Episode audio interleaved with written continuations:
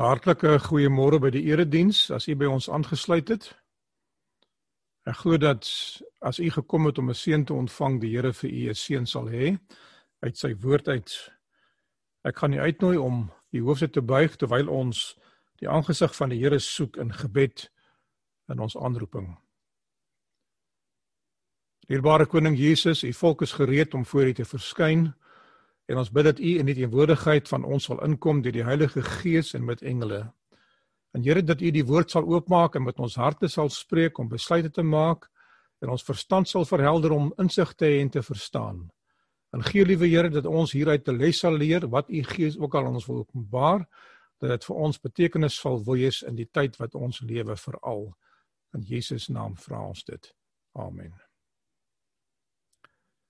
Ek het daaroor gedink om vir u te sê dat ehm um, die aanbiedinge oor die netwerk vir die van u wat dit kyk wat nie kan kerk toe gaan op hierdie stadium nie en wat luister na die boodskappe op 'n ander platform.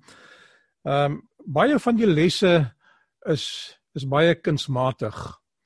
En dit dit dit dit vat baie van 'n mens om te probeer om 'n preek te preek aan 'n platform waar daar nie 'n gehoor is nie en nog steeds die gees van die Here toe te laat om jou gedagtes vloeibaar te maak en te vat op plekke waar dit normaalweg nie sou gegaan het nie. Ek het verskeie kere al agtergekom dat as ek 'n preek op die netwerk gepreek het en ek preek hom agterna in 'n kerk want die kerke is nou al reeds oop dat die boodskap nie dieselfde is nie. Dit is net anderster wanneer jy 'n gehoor voor jou het wat lewendig is. Dit is asof mense gedagtes meer vloeibaar is.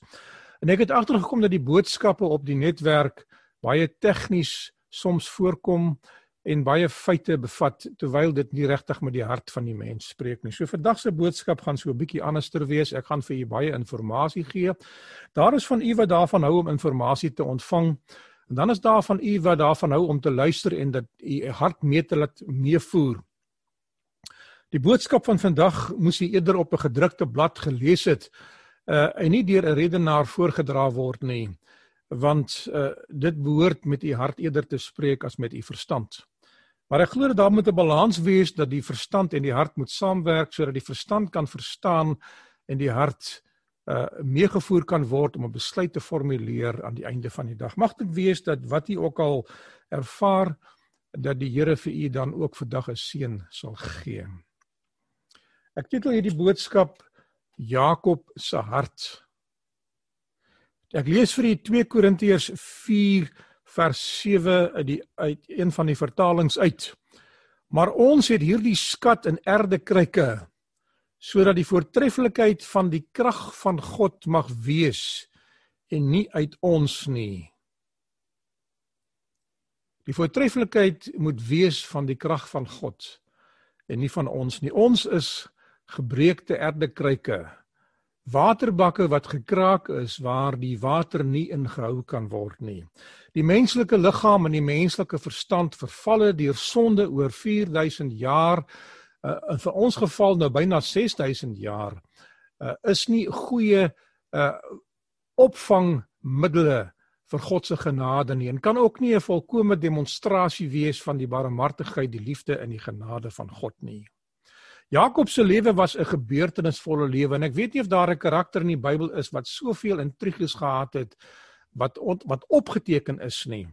Ek gaan vir u baie feite gee. Isak was 37 jaar oud gewees toe Sara gesterwe het en ek lees in die gawe van profesie dat hy het getreur oor sy ma.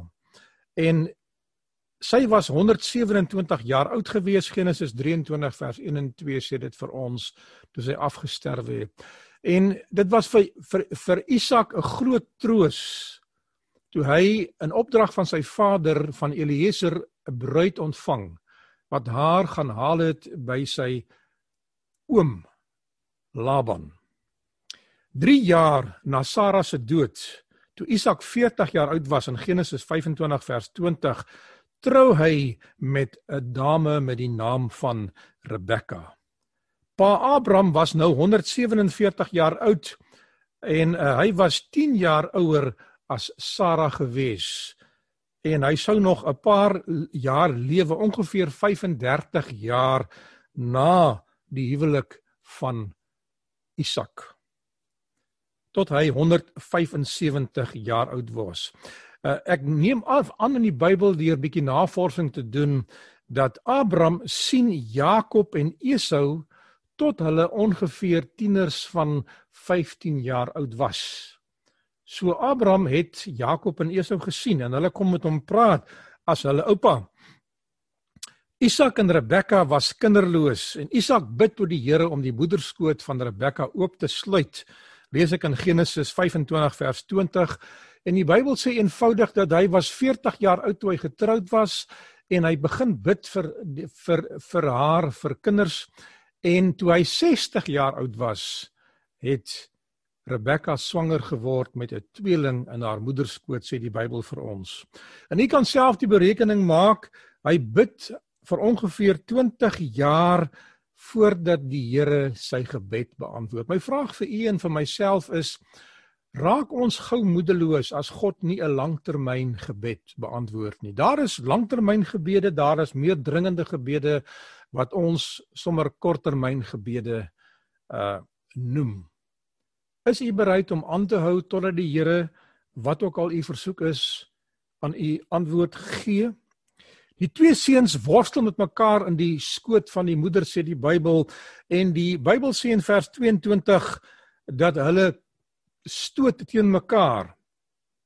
Nou ons was ook vier seuns gewees. Ek onthou dat wanneer ons in die motorkar gery het, het ons dikwels gebeklei oor wie gaan by die deur sit en veral as ons gery het, het die grootes die kleintjies gesê julle moet julle arms onder ons in sit. So ons het bo oor hulle gesit want die kar was maar baie nou gewees. En daar was gedurende twis en 'n stryd en ek onthou baie kere my pa gesê het moenie laat ek stop nie. En my pa het soms gestop en dan het die die Afrikaanse spreekwoord sê die hare het gewaai. Uh as hy gestop het. En ons het geweet dit is gevaarlik om hom te bring by die plek waar hy moet stop. Goed, hierdie twee seuns stry teen mekaar sê die Bybel. Hulle gees het teen mekaar beklei. Soveel so dat Rebekka na die Here toe gaan in gebed en sê: "Here, wat is aan die gang hier binnekant in my?" En die engel van die Here openbaar aan haar dat in haar skoot 'n tweeling is. En die engel sê vir haar die oudste sal die jongste dien, 'n profesie. En Isak het hard probeer om daardie profesie te verontagsaam toe hy by die plek gekom het en die tyd gekom het waar hy die seuns moes seën en die eersgeboorte reg oordra aan die volgende generasie. Hy ignoreer die gebod van die Here, maar deur die voorsienigheid van God en deur die ingryping van die mens Al was dit verkeerd, het Jakob die eersgeboorte reg gekry later aan. Ek glo die Here sou dit op sy manier, op sy tyd bewerkstellig het indien Isak sou wou voortgaan om dit op die verkeerde wyse toe te pas. Toe Jakob en Esau 'n tweeling was, toe hulle 77 jaar oud was, word Isak deur Rebekka en Jakob bedrieg vir die eersgeboorte reg. En Hy kry ook die seun. Isak was nou 137 jaar oud, maar hy sou nog 43 jaar leef totdat hy 180 jaar oud was. Isak word ouer as wat Abraham was. Jakob vlug vir sy lewe na Haran toe as gevolg van daardie misstap wat hy begaan het en hy bly by sy oom Laban tot op die ouderdom van 97 jaar. Dit is tragies dat Jakob het nooit weer sy moeder vir wie hy baie lief was gesien in daardie tydperk wat verbygegaan het nie. Jakob trou met Lea en met Rachel en ek noem dit so in daardie volgorde want deur bedrog gee Laban die oudste dogter Lea aan Jakob eerder as Rachel vir wie hy soos die Bybel sê lief was. En dit is vir my ironies dat in die verhaal van Jakob wat die Bybel beskryf as 'n naam wat beteken onderkruiper of bedrieger. Hy sy lewe lank geknoei het om dinge te bewerkstellig. Toe hy gebore was het hy aan die hakskeen van sy broer vasgehou. Hy het 'n plan gemaak om die eersgeboorte reg uh, te koop van Esau wat die eersgeborene was. Alhoewel dit aan hom geprofeteer was of aan aan aan, aan Rebekka gesê was dat hy dit sou ontvang op die manier wat God sou bewerkstellig, moet ek vir u by sê. Ja. Laban op sy beurt verkil vir Jakob. En hierdie stryd gaan voort in die lewe van Jakob in sy lewe. Terwyl hy van Esau af weggevlug het, want Esau het vir hom gesê die dag as jy uh, as pa sterwe, dan sal ek en jy 'n gesprek hê met mekaar en dit gaan dalk lelik draai vir jou. En ons vind dat Jakob kry niks van daardie eersgeboorte reg van die eiendom van Isak wat na hom toe moes kom as gevolg van die seën wat hy ontvang het nie. Hy vlug met sy kleed aan sy lyf en sy staf in sy hand tot hy daar by Bethel gaan skuil het en in die eensaamheid en die vertwyfeling van die nag uh God verlate gevoel het. Uh gevoel het hy het sy pa verloon en vir sy pa alleen vertel hy het sy ma verloor en hy het sy broer wat eintlik sy kameraad moes wees 'n uh, 'n uh, 'n uh, uh, voldonge lewenslange vyand gemaak. En kan 'n mens in 'n meer hopelose situasie wees waar jy so voel dat jy het alles verbrou en daar's vir jou niks oor nie. En daardie toestand waar hy daar lê, verskyn die Here aan 'n droom aan hom met 'n leer wat opgaan na die hemelskare toe, wat die Here en die engele op en af klim op daardie leer. En vir Jakob die versekering gee, ek is met jou selfs in hierdie toestand. Ek het jou vergewe, ek het jou nie verlaat nie. Ek het 'n plan vir jou lewe. Jakob is 'n gevangene van Laban en hy moet Laban dien want hy kan nie teruggaan na Kanaan toe nie want sy broer wag vir hom.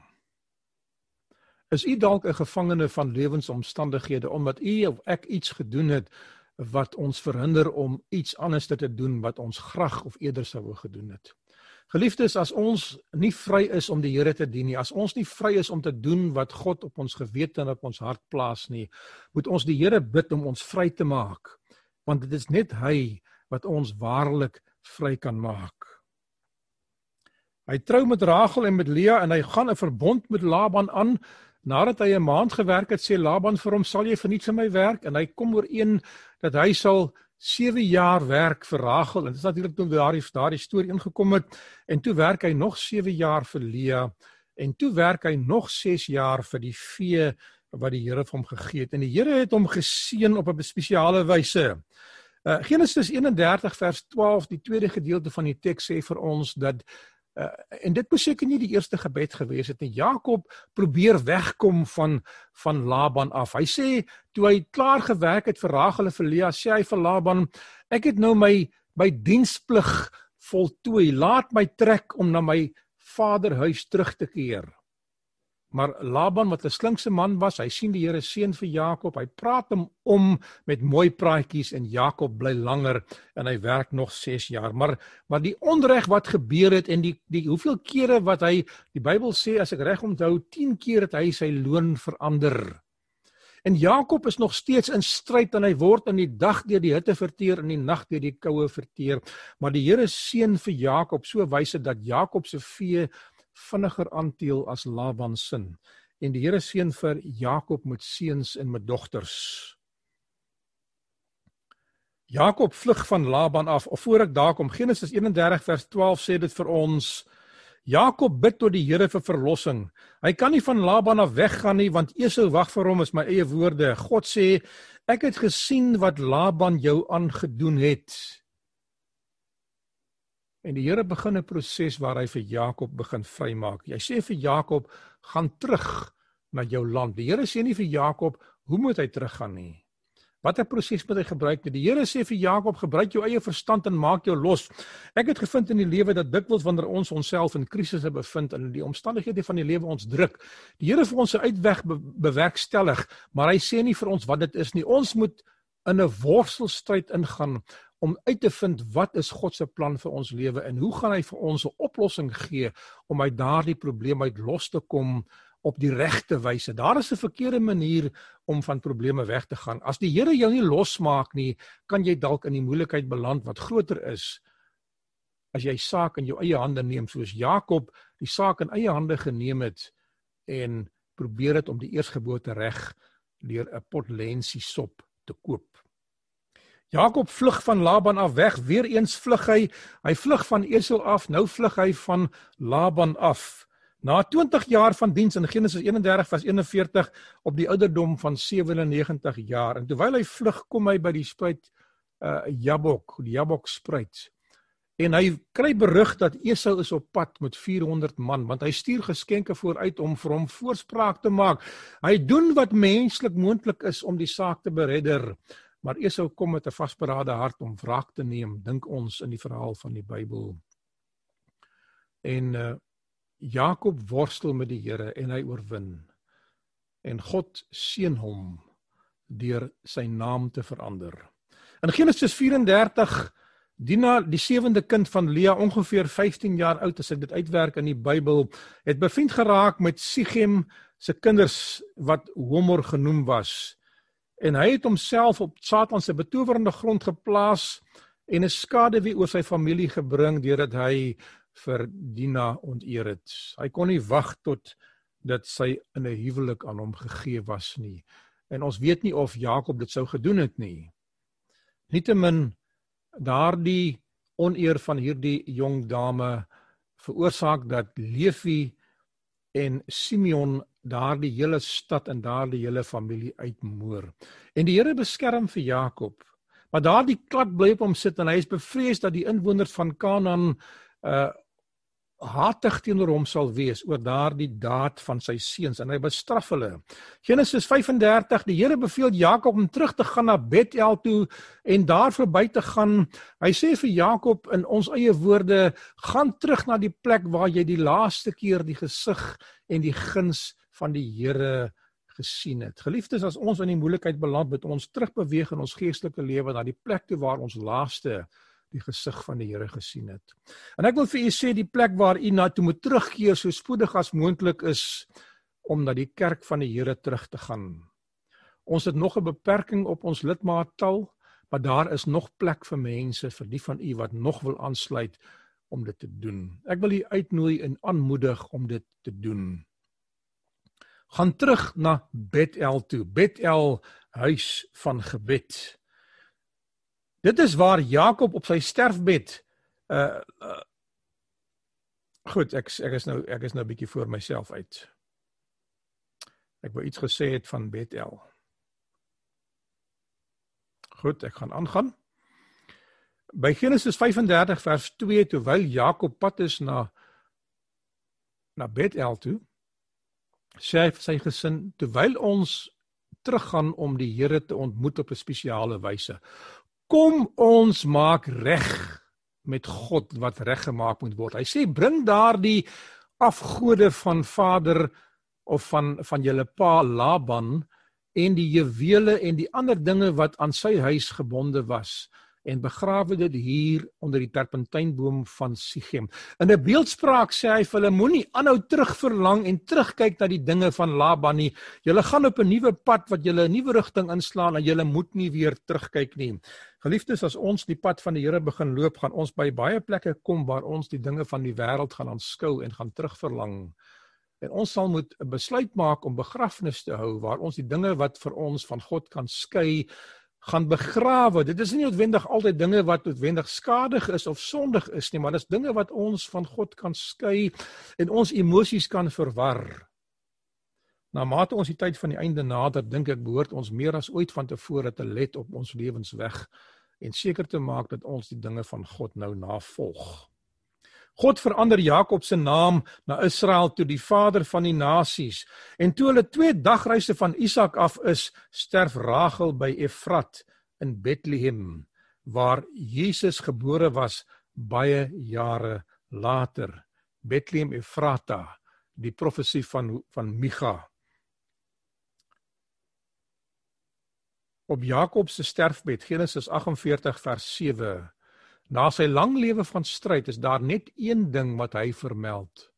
Hy sê op die pad toe ek teruggegaan het, daarso het Rachel gesterwe.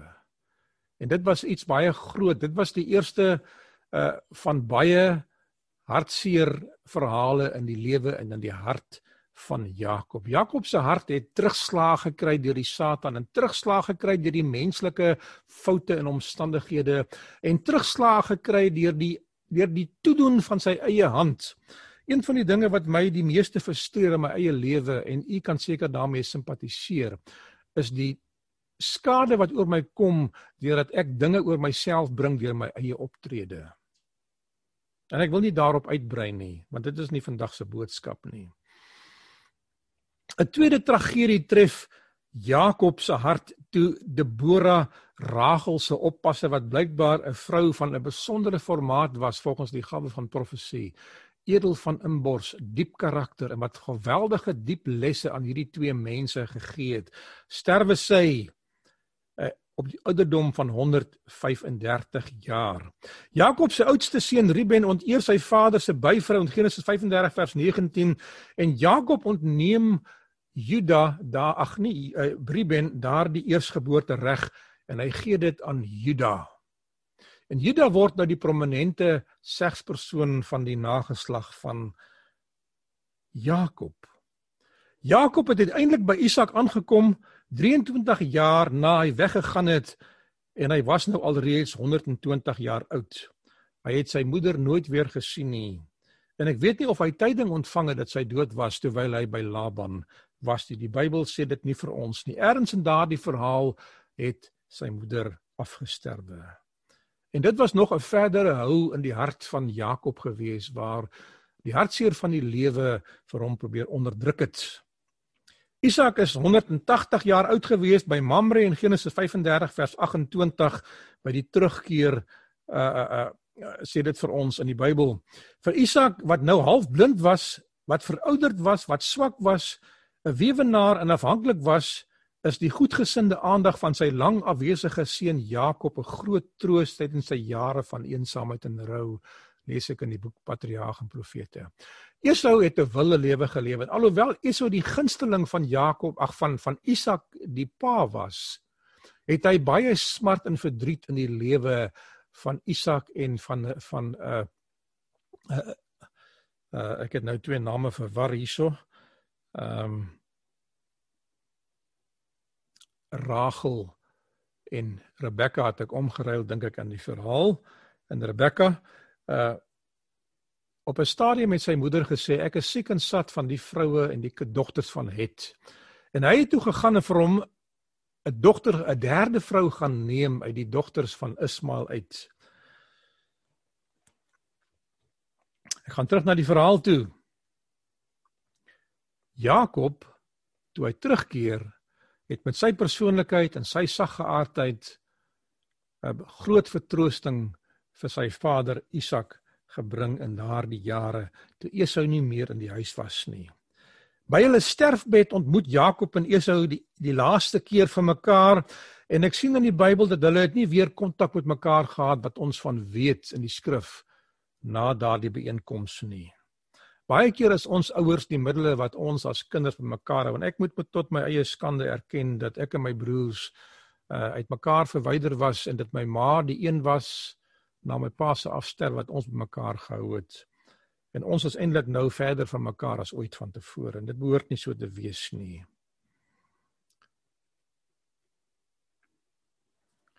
Hulle besittings was ook verdeel te veel en die land kon hulle nie dra so naby mekaar nie. Jakob was baie ryk geweest en Esau was baie ryk geweest. Die Here het wel vir Esau geseën. Die Here sê vir Esau uh van jou swaard sal jy lewe en jou brood sal jy verdien, maar as jy jou kragte inspann sal jy die juk wat deur die seun van Isak op jou geplaas was, naamlik om jou broer te dien, sal jy dit van jou skouers afwerp. En Esau het sy kragte ingespan en hy het 'n baie vermoënde man geword. Maar hulle besittings was te veel gewees, soos wat Abraham en Lot se besittings later aan te veel was, die land kon hulle nie dra nie, sê die Bybel vir ons. Hulle was Dit was 'n goddelike voorsienigheid wat hulle van mekaar af weggehou het. God het 'n plan gehad met Jakob se lewe omdat Jakob gekies het om by die dinge van God te bly en omdat Jakob 'n verbond en 'n tweede verbond en 'n derde verbond met die Here gemaak het op sy lewenspad. By elke groot krisis het Jakob in steede van sy eie pad te gaan nader aan God beweeg, maar hy het dikwels geboet as 'n gevolg van sy eie optredes tot die Here vir hom genade gegee het om te begin om daardie lewe van bedriegery en van gekonkel en van pogings om sy eie dinge te doen te laat staan en homself oor te gee aan God wat sy planne van sy lewe tot uitvoer sou bring. Geliefdes, as u u lewe aan God oorgee, sal die Here sorg dat die plan wat hy vir u lewe het tot uitvoer kom, glo ek. Dis wat ek in my lewe gesien het. Ek het ook gespook om dinge te doen en te vermag. Maar wanneer ek my oorgegee het aan God en God se werk gedoen het, het God op sy beurt my planne tot uitvoer gebring. En ek glo dieselfde sal vir u ook dieselfde verhaal wees. Uh ek lees aan die gawe van profesie dat was goddelike voorsienigheid gewees dat Jakob en Esau nie by mekaar moes bly nie, maar hulle paie moes skei want die invloed van Esau was nadelig vir die nageslag van Jakob gewees en vir sy kinders. Die assosiasie met die lewenswyse en gesindheid van Esau uh was nie goed gewees nie. God wou Jakob daardie uitverkore nasie word uit wie die Messias wat die belofte aan Adam en Eva was tot uitvoer sou bring in die les. Satan was reeds besig om 'n volgende aanslag teen Jakob te beplan. 11 jaar na sy vlug van Haran af kom Josef op die toneel. Hy is nou 'n jong man van 17 jaar oud gewees en hy was 6 jaar oud toe hulle gevlug het en toe sy ma Rachel dood is. En ek sien dat Bilha het hom ingeneem en hom grootgemaak vir die res van sy bestaan totdat hy 17 jaar oud was. Dit is hier waar die verhaal nou aangaan. Ons beweeg terug in tyd na Jakob toe Jakob 108 jaar oud was en toe Josef 17 jaar oud was en Josef was voorgetrek deur Jakob en sy broers wat baie ouer as hy was. Ongeveer 14 jaar was die oudste een ouer gewees en ander was jonger gewees. Hulle het hom gehaat oor jong Josef wat die gunsteling van die pa was, voorgetrek was maar ook omdat hy 'n karakter gehad het wat reggeskape was, sê die gawe van profesie. En hy het die dinge van God liefgehad en hy het die verkeerde dinge van die lewe gehaat en daarom het hy die dinge wat sy broers gedoen het wat verkeerd was aan Jakob oorvertel.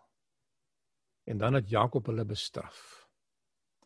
En natuurlik deur die voorsienigheid van God het jong Josef 'n profetiese gawe ontvang waar hy drome gedroom het En daardie drome het hom nie gehelp nie, maar hom dieper in die moeilikheid gebring, want dit was drome wat op die verre toekoms gekyk het en 'n profesie van die uiteinde van sy lewe wat hulle eers sou verstaan aan die einde van hulle lewe. 'n Natuurlike voorkeur vir die dinge van God, 'n sagge aardheid, 'n ingebore reggeskaapenheid en 'n weerstand vir die verkeerde. Maar Jakob het hom en Benjamin voorgetrek omdat hulle die kinders van Rachel sy geliefde vrou was. Geliefdes, ons kan baie keer stryd in ons huis veroorsaak deurdat ons verkeerd optree as ouers. Hulle wou hom doodmaak, maar hulle gooi hom eers in die put op 'n voorstel van Ruben, maar tot Ruben weg is, verkoop hulle hom aan die Ismaelite vir 20 sikkels silwer.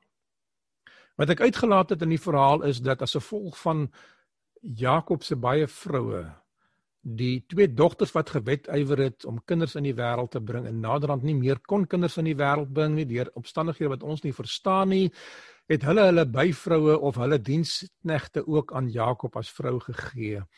En daar was gedurig stryd en wetywering in die huis van Jakob as gevolg van die baie vroue. Veel wywery was nie 'n plan van God gewees nie en was nie die plan wat die Here vir Adam en Eva gegee het nie Die seuns kom terug, ek ken die verhaal, dis nie waarheen ek wil gaan nie. Vertel hulle aan Jakob en bedrieg hom met die klere wat hulle in bloed gedoop het en vir Jakob sê 'n wilde dier het hom verskeur. In die Bybel sê vir my baie eenvoudig dat Jakob se lewe het daar gestop. Ek sê gebruik my eie taal.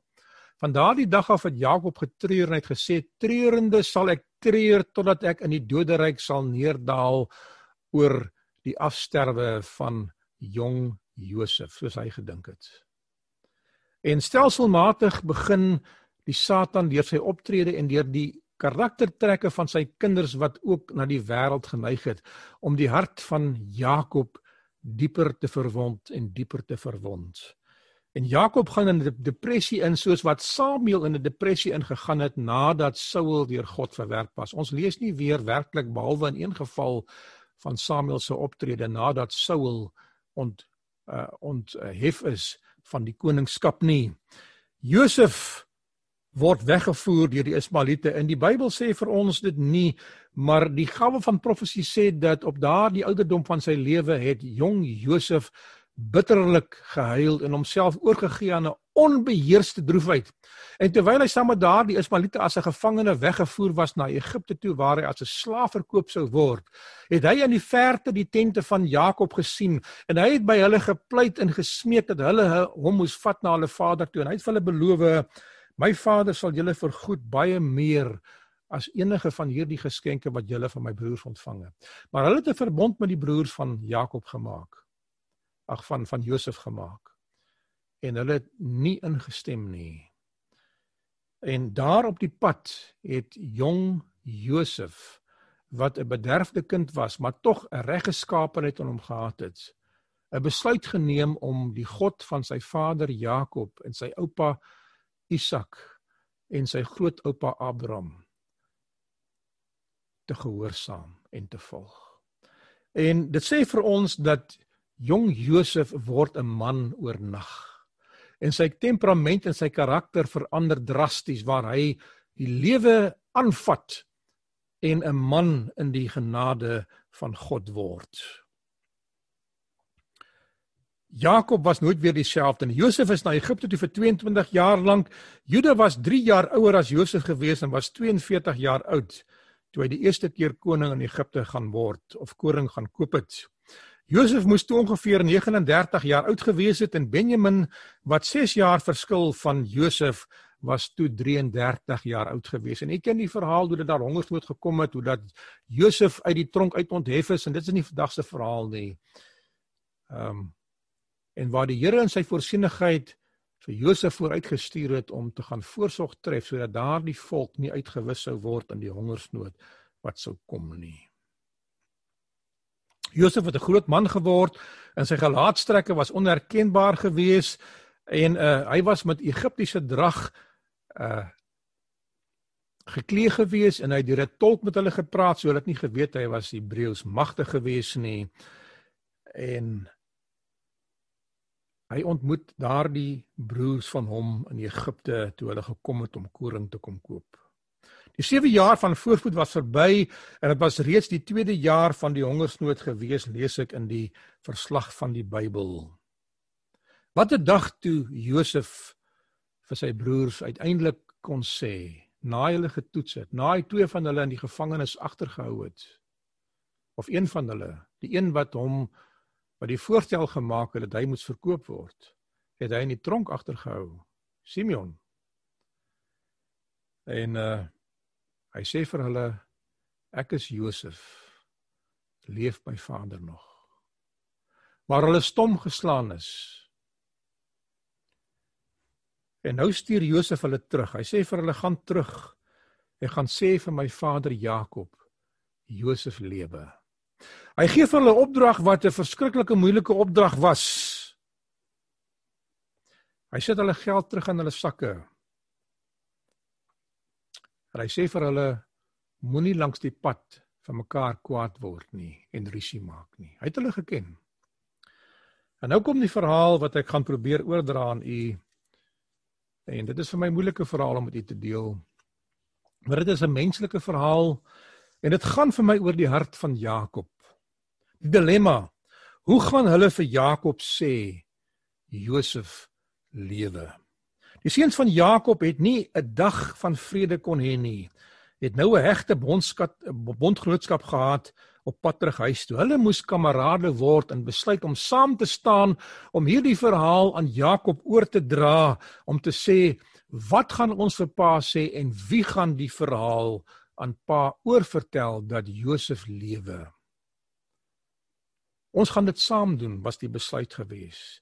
Ja, maar iemand moet praat. Juda is nou die regte man. Hy is die man wat in sy karakter en sy persoonlikheid dikwels die middelaar was en wat 'n 'n 'n temperament van vrede gehad het en wat wat dinge wat wat op 'n harde manier gedoen was kon afweer deur sy bemiddeling. Is u en ek dalk mense wat 'n persoonlikheid deur God ontvang het en of deur die genade van God 'n gawe ontvang het om vrede te maak? Sê die Bybel nie vir ons salig is die vredemakers nie. Jakob die bedrieger was jare lank deur sy kinders bedrieg. Hy het nie verstaan waarom die lewe so teen hom gedraai het nie en God het nooit 'n antwoord gegee aan Jakob oor Josef se lot nie. Hy was 'n verslaande mens tot aan die einde van hierdie verhaal. Ek het gewonder baie keer hoekom in daardie daardie 22 jaar het die Here nooit vir Jakob hoop gegee dat Josef nog lewe nie. Die kinders kom aangehardloop opgewonde. Oupa, daar is stof van die pad se kant af. Daar kom mense aan. Hulle wag vir die terugkerende groep. Hulle wag in afwagting want die vorige ekspedisie het nie goed verloop nie.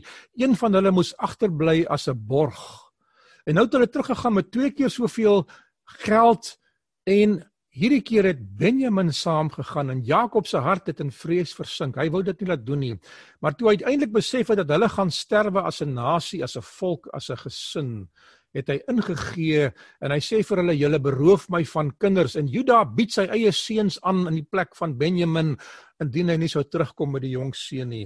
Maar Jakob het gevrees in sy hart. En toe daardie kinders begin berig bring dat daar iemand aankom terug het hy gedink en vermoed dit is heel waarskynlik hulle.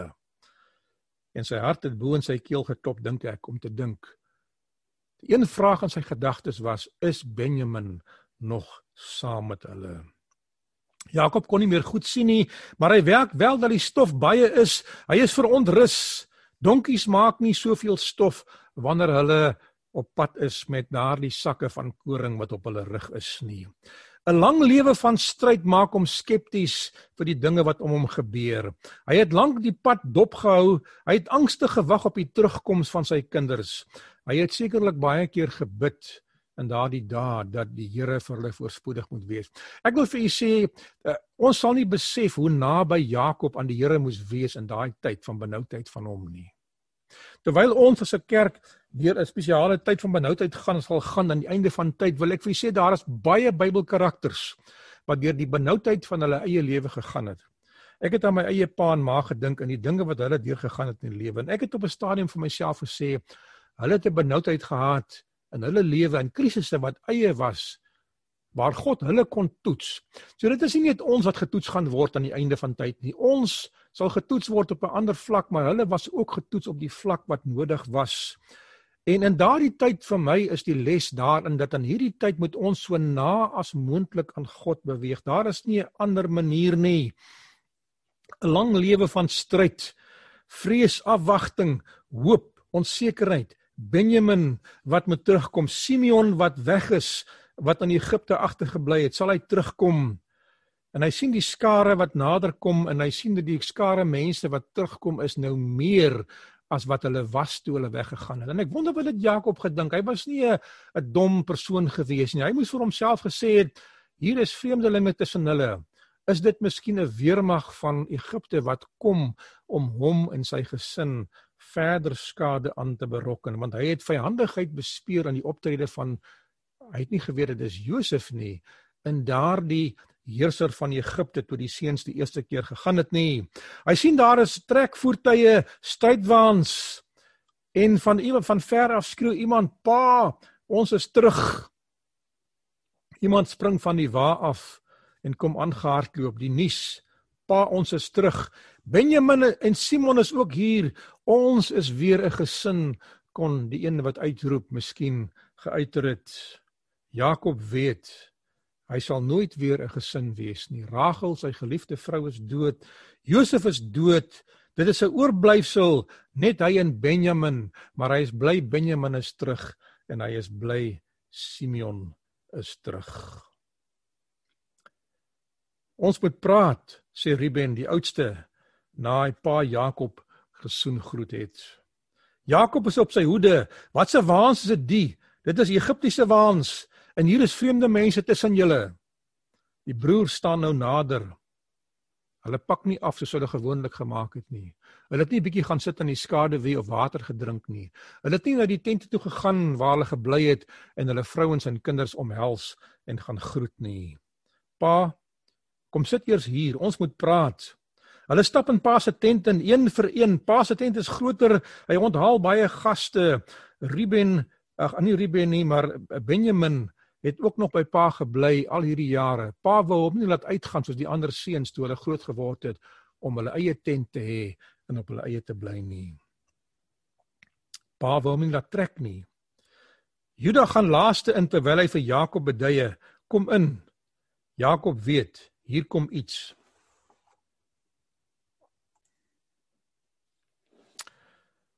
As Juda praat en nie Ben en, en nie Ruben nie, dan moet dit 'n delikate saak wees. Daar is weer 'n 'n saak wat bemiddel moet word, wat besleg moet word.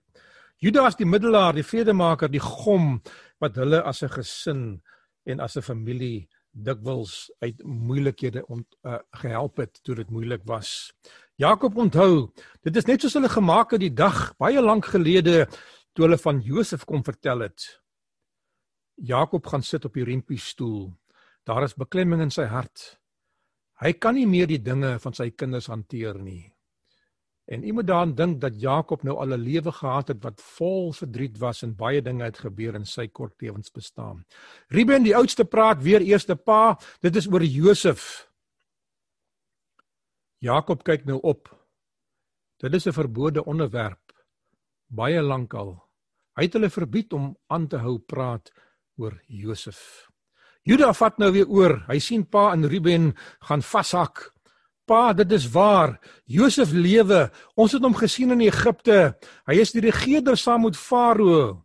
Dit is hy wat ons geld weer bo in ons sakke gesit het die eerste keer toe ons weggegaan het. Ja, sê Simeon vir Ben, vra vir Benjamin. Hy stoot vir Benjamin, die jongste van die groep kinders vorentoe. Vertel vir pa, sê hy. Simeon is die boelie onder die seuns. Hy en Levi het die hele stad uitgemoor na daardie gebeurtenis in die onreg teenoor Dina. Jakob staan nou regop. Julle lieg vir my, soos altyd. Josef is dood. Nee pa, hy leef. Toe, vertel vir pa. Het hulle nou vir Benjamin aan. Hy is die wit broodjie van pa. Pa sal hom glo as hy nie vir hulle wil glo nie. Genesis 45 vers 26 lees ek vir u. Toe hulle hom vertel Josef leef nog en dat hy regerder is in die hele Egipte land, het sy hart beswyk want hy het hulle nie geglo nie, sê die Bybel. Ruben het ook nou opgestaan en stap weer vorentoe. Hy sit sy hand sag op Jakob se skouer en druk hom terug om te sit. Jakob is nie meer so sterk soos hy was toe hy 'n jong man was nie en hy sak terug op daardie stoeltjie waar hy gesit het.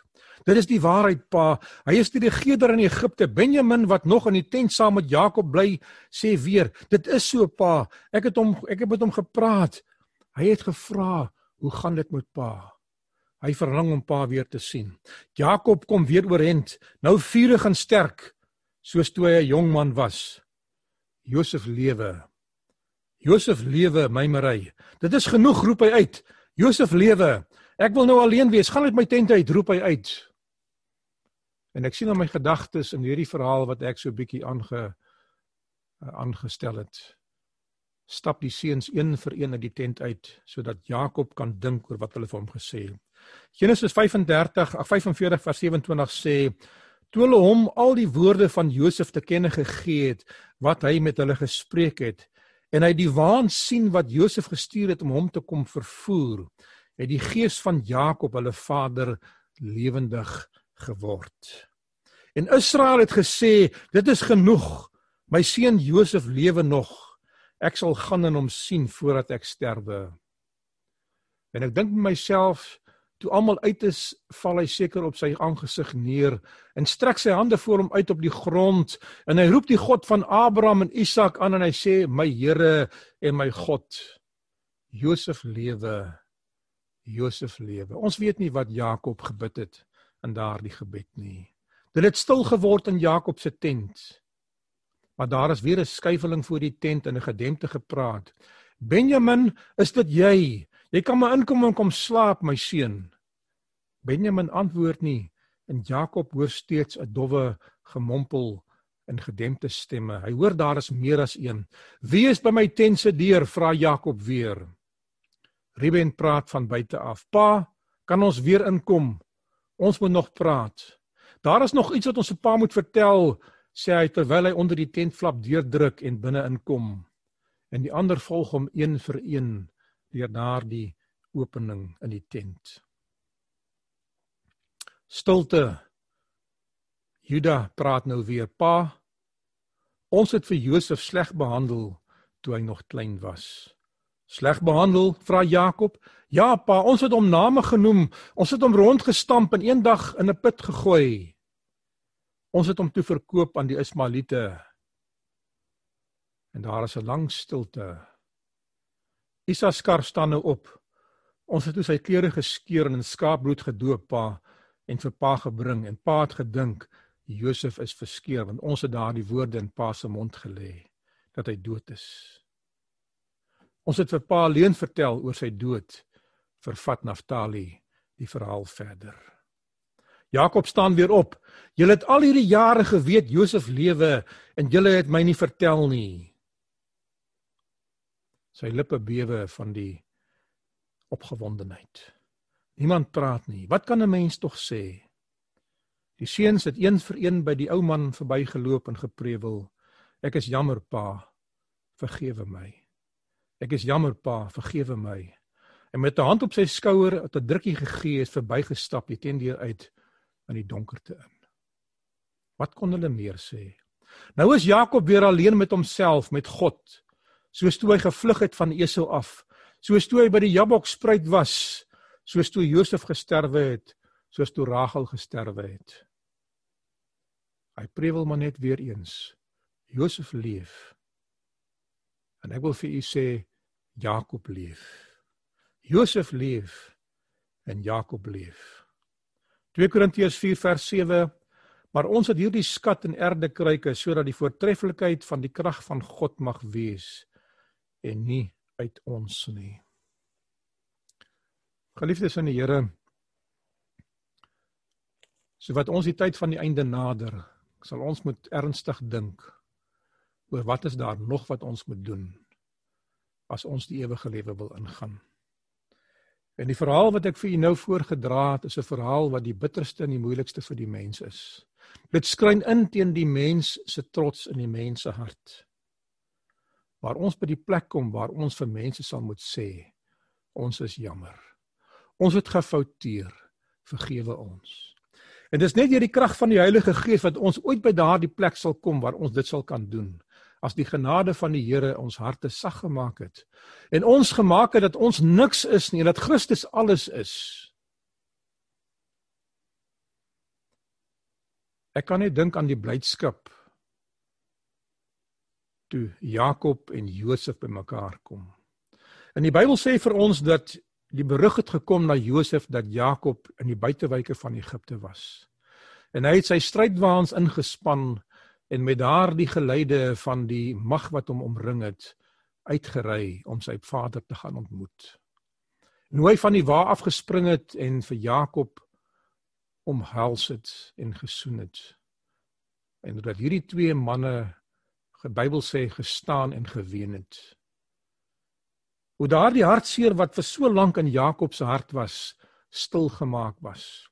Daar is baie van u wat na my luister of na my kyk wat op hierdie tyd in u harte daardie seer van die lewe dra, van 'n geliefde wat afgesterwe het, van 'n saak wat misluk het, van dinge wat verkeerd gegaan het, van sonde wat opgehoop het en wat nie gehanteer is nie of nog nie afgehandel is nie, van die gevolge van ons eie foute wat ons gemaak het in die lewe as gevolg van die feit dat ons wet in eie hande geneem het soms. Van die oë wat mense na ons kyk wat ons miskien te nagekom het as ons weer in 'n teenwoordigheid in beweeg. Geliefdes, my pleidooi vir u is baie eenvoudig dat u uself aan God moet oorgee in ootmoed en in vernedering en selfverloning. En dan sal die Here u genees en die Here sal weer in die hart en daardie gees van God terugplaas wat sal maak dat u sal kan opstaan en weer die lewe in die oë kyk. En die Here sal vir u moed gee om aan te gaan met die lewenspad want u gaan weer u geliefdes sien as u getrou bly en hulle getrou was. Watter ontmoeting sal dit nie wees met die opstandingsmôre en met die wederkoms van Jesus wanneer hulle wat lewe verganklikheid sal ontvang of onverganklikheid sal ontvang. En daardie herontmoeting van geliefdes, van geslagte, van generasies, van families wat van mekaar geskei was, weer bymekaar sal kom. Ek sien uit na daardie dag. Elkeen van ons wat lewe het ernstig iemand na wie ons verlang om hulle weer te sien.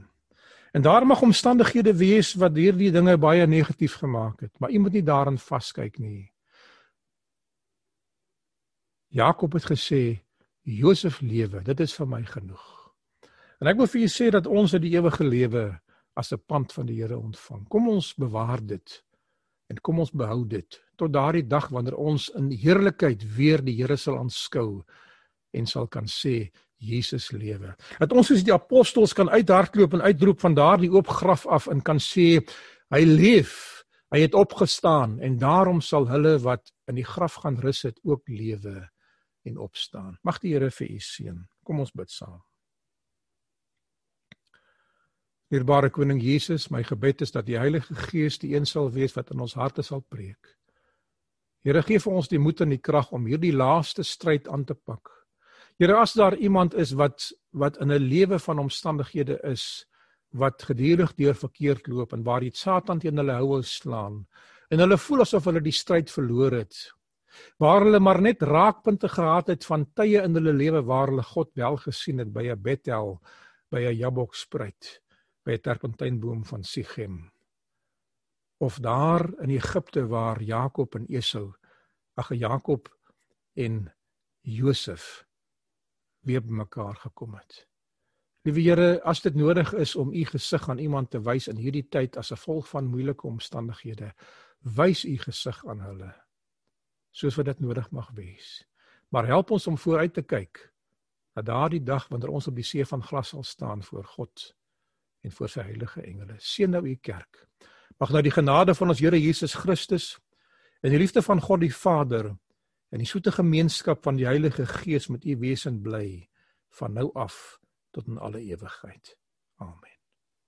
Geliefdes, die Here seën vir u en mag dit wees dat die res van die Sabbatdag vir u 'n dag vol seënings sal wees en dat die Here u sal gebruik op 'n bergwaardige wyse met die mense wat u ontmoet. Tot ons mekaar weer sien. Amen.